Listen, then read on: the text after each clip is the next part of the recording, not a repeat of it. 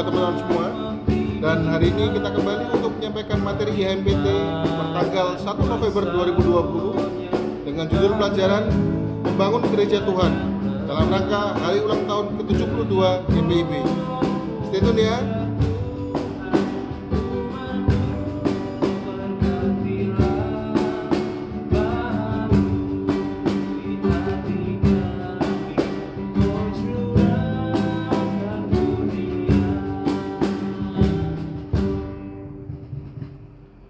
teman-teman, bisa dipersiapkan Alkitabnya. Kalau sudah kita akan buka dari kitab Hagai. Kitab Hagai pasal yang pertama, ayat pertama sampai ayat yang ketujuh. Hagai pasal pertama, ayat pertama sampai ketujuh. Bila Alkitabnya sudah terbuka, kita akan masuk dalam doa. Kak Patrick akan pimpin dalam doa. Mari kita berdoa. Tuhan terima kasih atas penyertaan-Mu, bimbingan-Mu, perlindungan-Mu sampai saat ini kepada kami ya Bapak. Terima kasih kalau sampai saat ini kami masih bisa melakukan aktivitas yang ingin kami lakukan setiap harinya dan sekarang Tuhan kami hendak memasuki eh, pelajaran materi di hari Minggu ini Tuhan. Kiranya Engkau mau berkati kami, Engkau mau lindungi kami, kuduskan hati pikiran kami sehingga setiap eh, materi pengajaran yang kami terima tentunya dapat kami dengar dengan baik terlebih dapat kami lakukan dalam kehidupan kami sehari-hari ya Bapak terima kasih Bapak terima kasih inilah doa yang kami naikkan hanya kami alaskan hanya dalam nama Tuhan Yesus kami sudah berdoa amin Amin. Oke teman-teman, Hagai pasal yang pertama, ayat pertama sampai yang ketujuh nanti kakak-kakak akan baca secara bergantian. Teman-teman yang di rumah boleh menyimak, yang tidak membawa kitab. Hagai pasal pertama, ayat pertama sampai ketujuh, ajakan untuk membangun kembali bait suci. Pada tahun yang kedua zaman Raja Darius dalam bulan yang keenam, pada hari pertama bulan itu datanglah firman Tuhan dengan perantaraan Nabi Hagai kepada Zerubabel bin Shealtiel, Bupati Yehuda dan kepada Yosua bin Yosadak, imam besar. Bunyinya, Beginilah firman Tuhan semesta alam, bangsa ini berkata, sekarang belum tiba waktunya untuk membangun kembali rumah Tuhan. Maka datanglah firman Tuhan dengan perantaraan Nabi Hagai bunyinya apakah sudah tiba waktunya bagi kamu untuk mendiami rumah-rumahmu yang dipapani dengan baik, sedangkan rumah ini tetap menjadi reruntuhan? Oleh sebab itu, beginilah firman Tuhan semesta alam. Perhatikanlah keadaanmu. Kamu menabur banyak tetapi membawa pulang hasil sedikit Kamu makan tetapi tidak sampai kenyang Kamu minum tetapi tidak sampai puas Kamu berpakaian tetapi badanmu tidak sampai panas Dan orang yang bekerja untuk upah Ia bekerja untuk upah yang ditaruh dalam pundi-pundi yang berlobang Beginilah firman Tuhan semesta alam. Perhatikanlah keadaanmu. Demikian jauh bacaan kita pada hari ini. Terpujilah Kristus. Haleluya. Haleluya. Haleluya.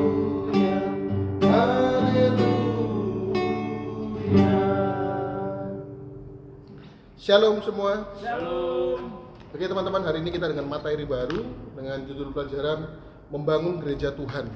Dan ini juga dalam rangka hari ulang tahun ke-72 GPIB yang jatuh pada hari kemarin tanggal 31 Oktober 2020. Nah, sebelum kita jauh untuk membahas apa sih pelajaran hari ini, seperti biasa kita akan mencoba untuk mengenal tokoh ini. Kak, Hage ini siapa sih Kak Patrick? Kan orang-orang eh, teman-teman kita taunya oh kita tahu ada nabi namanya Nabi Samuel, ada Nabi Nathan. Hage ini siapa kak? Apakah Hage ini termasuk nabi atau Hage ini termasuk raja atau siapa? Boleh dijelaskan dong kak? Iya. Jadi Hagai ini dia adalah seorang nabi. Dia adalah seorang nabi yang di mana tergolong masuk dalam kategori nabi-nabi kecil kayak Nabi-nabi kecil. dalam perjanjian lama. Kenapa disebut nabi nabi-nabi kecil? Karena ada dia ini adalah nabi yang menuliskan eh, firman Tuhan di perjanjian lama itu jumlah pasalnya sedikit kak tergolong sedikit makanya disebut Nabi eh, kecil. nabi kecil. Iya, cuman ada dua pasal aja nih kak. Hmm. Di kalau kita baca kitab Hagai ini mencatatkan tentang panggilan pengutusan seorang nabi yang bernama Hagai. Hagai dipanggil diutus Tuhan sebagai nabi pada tahun kedua pemerintahan Raja Darius, Raja Persia. Jadi kerajaan Persia adalah kerajaan yang berhasil mengalahkan kerajaan Babel sekitar tahun 539 sebelum Masehi. Nah, jadi pada saat itu Nabi Hagai dipanggil dan diutus oleh Tuhan kepada orang-orang Yehuda yang baru pulang dari Babel sekitar tahun 520 sebelum Masehi atau sekitar 18 tahun setelah masa pembuangan Babel terakhir. Nah, jadi Nabi Hagai menyampaikan pesan Tuhan yang berisi teguran dan peringatan tentang ketidakpedulian orang-orang Yehuda yang sudah pulang dari pembuangan Babel untuk membangun kembali bait suci atau rumah Tuhan di Yerusalem yang telah runtuh karena serangan Babel itu. Nah, Nabi Hag- Nabi Hagai juga mengingatkan umat Tuhan bahwa ketidakpedulian untuk membangun kembali rumah Tuhan akan membuat umat Tuhan tidak akan mengalami berkat Tuhan sehingga langit akan menahan embun, bumi menahan hasilnya dan kekeringan akan terjadi ke atas bumi. Nah, jadi kurang lebih seperti itu. Jadi sepertinya Hagai ini memang diutus untuk menyampaikan kepada orang-orang buangan yang sudah pulang kembali ke rumah ya. Ya, Dan dalam eh, apa namanya keseharian mereka setelah pulang ke rumah, rumah Tuhan atau bait Allah yang tadinya runtuh ini tidak dibangun kembali. ya, Malah mereka membangun rumah-rumah mereka pribadi. ya. Nah, kalau kita mau lihat ini kak dari sudut pandang mereka, kira-kira apa sih kak alasan mereka kok tidak membangun rumah Tuhan?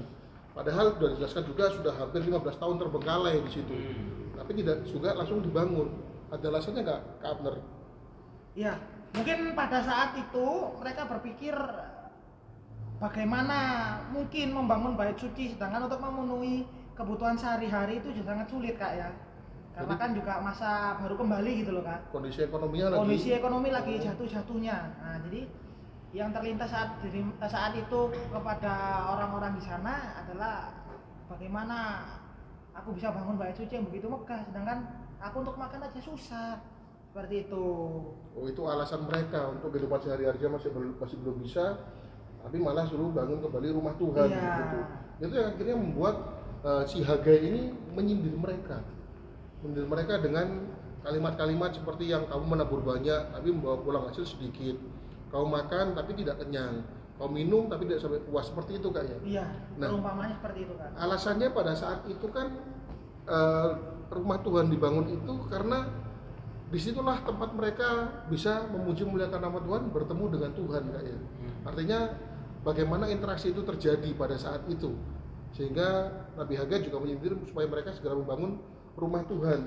Nah kalau kita samakan dengan kondisi sekarang ini kak, kira-kira kondisi ini bisa relevan nggak dalam kehidupan kita sekarang?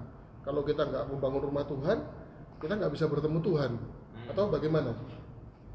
Jadi yang harus kita pahami dulu adalah kalau dalam konteks Alkitab ya, dalam kondisi saat itu baik Tuhan baik Tuhan bagi umat Israel bukan hanya gedung atau tempat beribadah, melainkan menjadi lambang kehadiran um- Tuhan di tengah-tengah umat. Jadi kehadiran Tuhan di tengah umat akan menjamin keselamatan dan umat mengalami kehidupan yang diberkati oleh Tuhan. Nah, tentu saja gedung gereja tidak memiliki makna yang sama dengan bait Tuhan bagi umat Israel. Gedung gereja yang juga biasa disebut rumah Tuhan oleh umat Kristen semata-mata adalah tempat atau sarana beribadah. Namun yang menjadi penekanan adalah tentang pentingnya kehadiran Tuhan di dalam kehidupan orang percaya.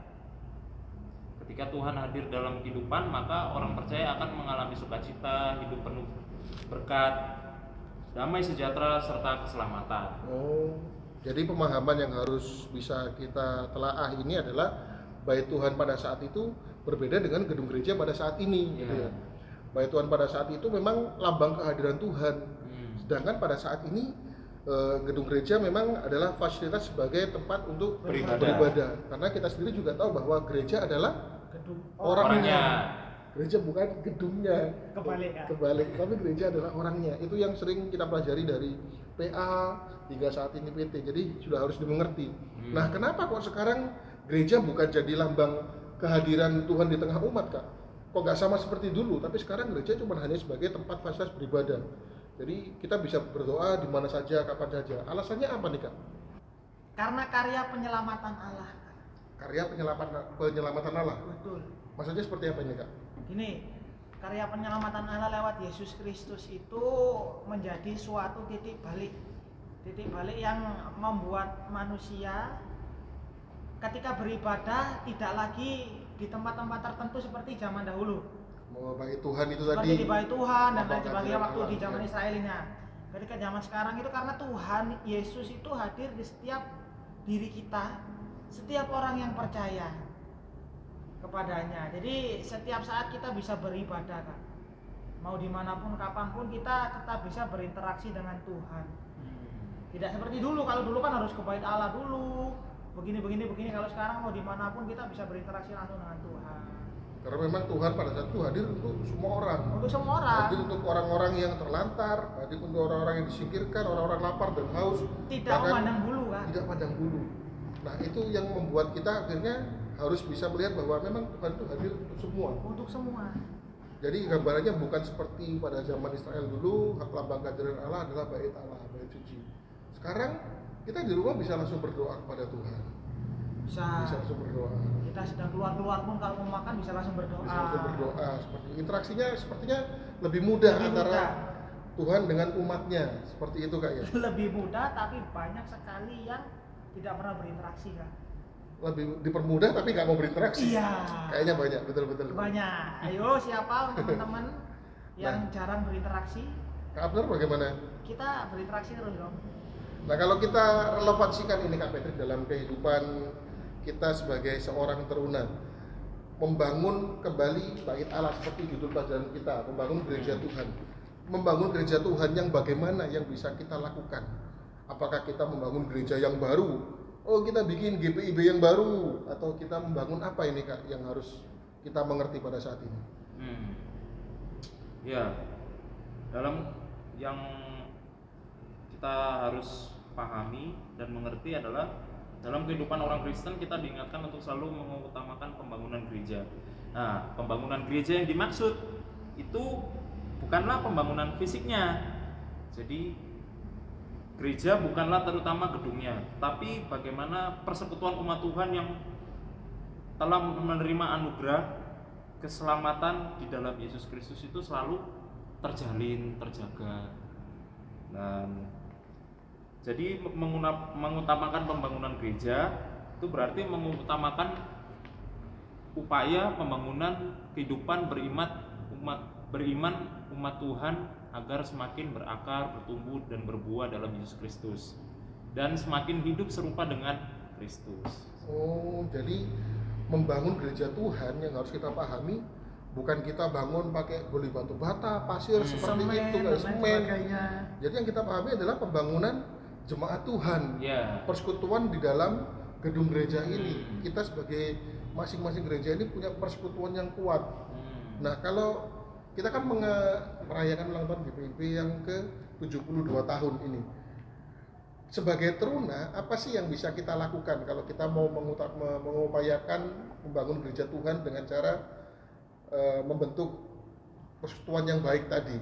Seperti apa Kak yang bisa kita lakukan sebagai seorang teruna? Jadi yang bisa kita lakukan sebagai taruna itu kak, kita bisa menjadi atau ikut ambil bagian dalam tugas panggilan dalam pelayanan gitu kak. Terlibat gak ya? Terlibat. Jadi seorang teruna juga harus mau ikut ambil bagian, terlibat. Iya harus mau take action. Wah, Tapi adik-adik kita selama ini kan terlibat langsung ya Kak Pet ya? sangat Iya. terlibat, sangat aktif sekali. Sangat aktif. Puji Tuhannya kita dari PA juga diajari untuk ikut ambil bagian dalam Betul. pelayanan gitu. Hmm. Jadi itu yang harus kita pahami. Bukan berarti ketika kita masih muda kita tidak bisa berbuat apa-apa. Hmm. Kita melayani. Nah, gini Kak, kalau ada kasus misalnya ada seorang anak ini pada saat dia mau jangan kita eh, jangan kata melayani lah. Dia sedang beribadah ini, beribadah online pada saat ini. Tetapi mamanya minta tolong. Adik, tolong belikan mama ini ya gula sama beras.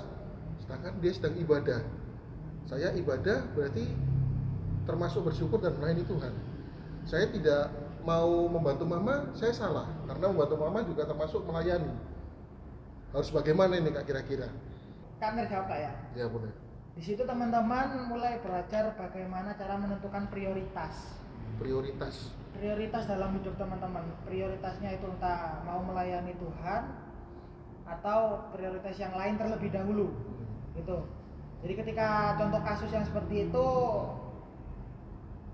mana mungkin ya? Kalau menurut Kak Amir sih sepertinya tidak mungkin nih sebenarnya tidak mungkin. Sudah Iya. tahu anaknya sedang ibadah, kenapa mamanya suruh-suruh? ya Ya, sepertinya gitu. tidak mungkin karena prioritas ini juga nanti harus dilihat dari sudut pandang orang tua Betul. mana ada sih orang tua yang menyuruh anaknya pada saat ibadah Nah, Hmm.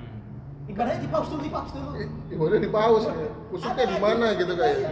atau Kak Petri punya contoh lain Ya mungkin eh, ti- tidak jauh-jauh dari apa yang sudah dijelaskan Kak Abner ya. Pokoknya di eh, kalau kasusnya seperti itu diharapkan untuk setiap orang tua juga harus mengerti ya kak ya, mengerti untuk eh, dalam kondisi kondisi-kondisi tertentu jika ada anaknya yang sedang beribadah online ya paling tidak mengerti lah jadi memang memang orang tua adalah wakil Allah di dunia. Cuman kan dalam kasus-kasus tertentu harus memang kita bisa mengerti Jadi memang selain kita juga menentukan prioritas, orang tua juga sudah tahu harus prioritasnya anak atau prioritasnya orang tua bagaimana kayak Iya. Atau sama kayak kita, adik kita sedang ibadah PA ini nonton videonya PA. Tapi kita suruh, "Dek, tolong." Kita yang harus tahu gitu. Iya. Adik kita kan juga perlu gitu. Nah, untuk menambah juga ini Kak, kira-kira Kamner masih ingat nggak GPIB terbentuk lalu ada berapa jemaat mandiri hingga sekarang ada berapa jemaat mandiri untuk sekedar info kepada teman-teman yang ada ini kak Oke.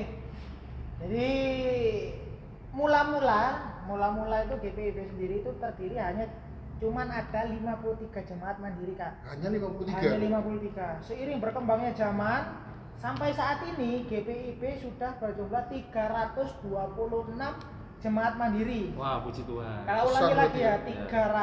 326 jemaat mandiri yang tersebar di 26 provinsi di Indonesia, Kak. Oh, itulah sebabnya kita sebagai Tuhan juga harus ikut ambil bagian dalam Betul. tugas panggilan dan pelayanan tadi kak ya. Jadi kita bukan hanya sebagai orang yang ikut serta merayakan, tetapi ikut serta ambil bagian untuk berperan aktif. Berperan Betul. aktif. Itu. Berperan aktif juga eh, jangan lupa untuk mengucap syukur gitu. Karena penyertaan Tuhan hingga saat ini penyertaan Tuhan hingga saat ini sehingga GPIB ini akan terus bekerja sampai kini dan selamanya. Apalagi tantangan pada saat ini ya, GPIB juga terus hadir dalam perjalanan di tengah-tengah pandemi COVID-19 ini ya. Betul, Juga ikut berperan untuk orang-orang yang menderita, Ya. ikut berperan dalam uh, tugas pelayanan dan kesaksian, pelkes-pelkes juga ada tindakan yang ada diberikan tindakan yang diberikan bukan hanya berbicara, bukan hanya Hmm. teori aja kak ya bukan hanya merencanakan, tetapi melaksanakan. Melaksanakan. Iya, Iya, betul. bukan Karena- hanya kalau orang sekarang bilangnya wacana Kalau banyak rencana tidak dilaksanakan artinya wacana wacana. Jangan jadi orang yang sering banyak rencana tetapi tidak dilaksanakan. Nanti NATO kalau- ya kayak. NATO. No action talk only. Oh iya, no action, talk only. Kalau banyak bicara. Memang betul seperti itu kan. Jadi teman-teman yang bisa kita pahami pada hari ini adalah eh, kita sebagai teruna diajak untuk memahami bahwa Tuhan Yesus itu selalu bekerja dan selalu hadir dalam eh, setiap kehidupan kita, bahkan setiap kehidupan di tengah-tengah GPIB dalam sepanjang perjalanan Hmm. melaksanakan tugas pelayanan. Hmm. Dan juga kita tetap harus tahu bahwa gereja itu bukan gedungnya, Gedungnya. tetapi kita sebagai orang-orangnya. Iya. Itu yang selalu kita tekankan dan hari ini tekankan kembali dalam pelajaran hari ini bahwa bukan kita memuja gedung, tetapi Hmm. kita sebagai gereja terlihat untuk orang-orang banyak di masyarakat. Hmm. Juga ikut serta dalam membangun gereja yang artinya ikut serta dalam uh, pembangunan jemaat di dalam gedung gereja kita artinya dalam lingkup GPIB ini Ya. dalam ikut serta ambil bagian dalam pelayanan di tengah-tengahnya itu tadi Kak. Iya. Ada tambahan lagi dari Petri dan Kak Abner? sedikit tambahan dari Kak Abner sih Kak untuk melengkapi. Jadi sesuai dengan judul kita tentang membangun gereja Tuhan, kembali lagi gereja itu adalah orangnya. Berarti konteks di sini yang bisa kita tangkap adalah membangun gereja Tuhan adalah membangun orang-orang atau jemaatnya. Kita yang berada di dalam jemaat itu turut membangun diri kita turut dengan apa yang diajarkan Tuhan Kak. Mengupgrade diri kita agar menjadi lebih baik Harus selalu diupgrade. harus kan? selalu diupgrade biar nggak ketinggalan zaman istilahnya kan Iya, betul betul kan. jadi gitu membangun gereja Tuhan sama saja membangun diri kita untuk melakukan apa yang Tuhan lakukan apa yang Tuhan suruh dan tetap menjalankan kasihnya Asik. Nah, mungkin satu lagi kalau sudah eh, terbiasa terlibat dalam setiap kegiatan di dalam gereja, jangan lupa untuk menerap- menerapkan- menerapkannya setelah meninggalkan gedung gereja tersebut. Ini pesan yang selalu kita sampaikan Ya. tiap minggu Kak, ya. Pelayananmu dimulai pada saat kamu melangkah keluar dari Gedung gereja. gedung gereja. Karena bekal yang kamu terima di gedung gereja ini harus kamu terapkan dalam kehidupan bermasyarakat. Raka. Jangan jadi terang di tempat yang terang, tetapi jadilah terang di tempat yang gelap. Oke, amin materi hari ini. amin Amin. Materi hari ini sampai di sini kita akan menyanyi satu lagu Aku Gereja, Kau Pun Gereja. Aku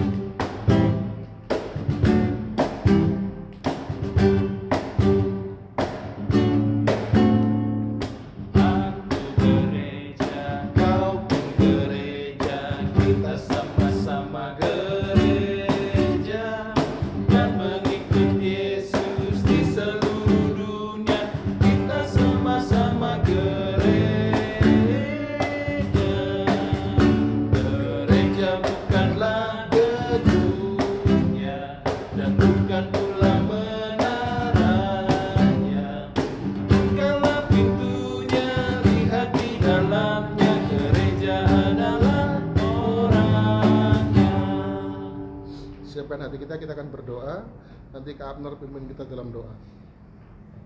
Mari kita satu dalam doa. Bapak terima kasih Tuhan atas kasih setia penyertaan yang begitu luar biasa Tuhan di sepanjang hari-hari kami Tuhan. Tuhan terima kasih juga Tuhan untuk penyertaan-Mu atas kami ketika kami sama-sama belajar tentang firman-Mu Tuhan. Tuhan kiranya apa yang kami terima, apa yang kami serap Tuhan dapat kami aplikasikan, dapat kami terapkan kepada orang-orang di sekeliling kami Tuhan. Terlebih pada orang-orang yang di luar sana Tuhan. Tuhan kami tahu karena pelayanan yang sejati adalah ketika kami keluar dari gedung gerejamu ini Bapak. Bapak bantu kami, gandeng kami, tuntun dan sertai langkah kami Tuhan agar kami dapat selalu mengupgrade diri kami Tuhan, dapat selalu mengembangkan diri kami Tuhan dan dapat selalu belajar tentang kasih kasih kasihmu ya Tuhan dan dapat selalu menjadi manusia yang berguna bagi sesama Bapak. Bapak kami juga berdoa bagi gereja kami Tuhan dan seluruh majelis yang ada Tuhan seluruh jemaat dan semua yang terlibat di dalam gereja kami ini Tuhan. Kiranya kau memberikan kesehatan bagi kami semua Tuhan kelancaran dalam segala apa yang diupayakan Bapak. Kami juga berdoa bagi kedua orang tua kami saudara kami kakak adik kami Tuhan berikan mereka kesehatan Tuhan kebahagiaan yang tiada henti. Tuhan kau curahkan kepada mereka Tuhan. Kami juga berdoa kepada bangsa dan negara ini kami Tuhan. Kiranya kau memberkati segala jajaran yang ada Tuhan untuk melewati masa-masa yang sulit. Saat ini Tuhan kan kami yakin dan percaya Tuhan bahwa uluran tanganmu Tuhan bahwa gandengan dan tuntunan dari Engkau lah yang dapat melewati membantu kami melewati semua ini Tuhan Tuhan inilah doa dan ucapan syukur kami Bapa yang kami naikkan hanya di dalam nama Tuhan Yesus Kristus Tuhan dan Juru Selamat kami yang hidup yang telah mengajarkan kami doa yang sempurna Bapa kami dalam surga, dikuduskanlah namamu, datanglah kerajaanmu, jadilah kehendakmu di bumi seperti di surga. Berilah kami pada hari ini makanan kami yang secukupnya, dan ampunilah kami akan kesalahan kami, seperti kami juga mengampuni orang yang bersalah kepada kami, dan janganlah bawa kami ke dalam cobaan, tapi lepaskanlah kami daripada yang jahat. Karena engkaulah yang mempunyai kerajaan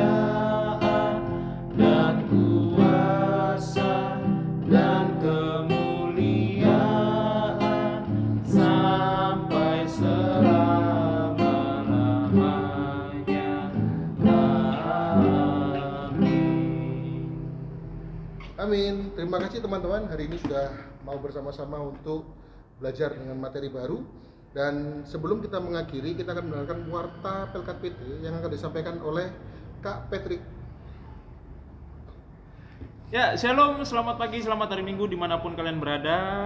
Terima kasih sudah bergabung dalam podcast ini dan kakak percaya semuanya dalam keadaan baik, dalam keadaan sehat, Amin. dalam keadaan yang tetap semangat pastinya ya. dan ya untuk pengumumannya eh, seperti biasa eh, tentunya eh, di setiap minggunya tetap ada podcast lagi dan pasti minggu depan tetap ada di jam 9 pasti sudah ta- sudah tayang ya kak ya Sudah, Oke. meskipun Instagram telat, Spotify pasti sudah tayang. ya meskipun pengumuman di IG mungkin telat sepersekian menit tidak apa-apa lah Mungkin Yang- satu setengah jam karena adminnya mungkin ibadah dulu. Oke, Belaan ya. oke, oke.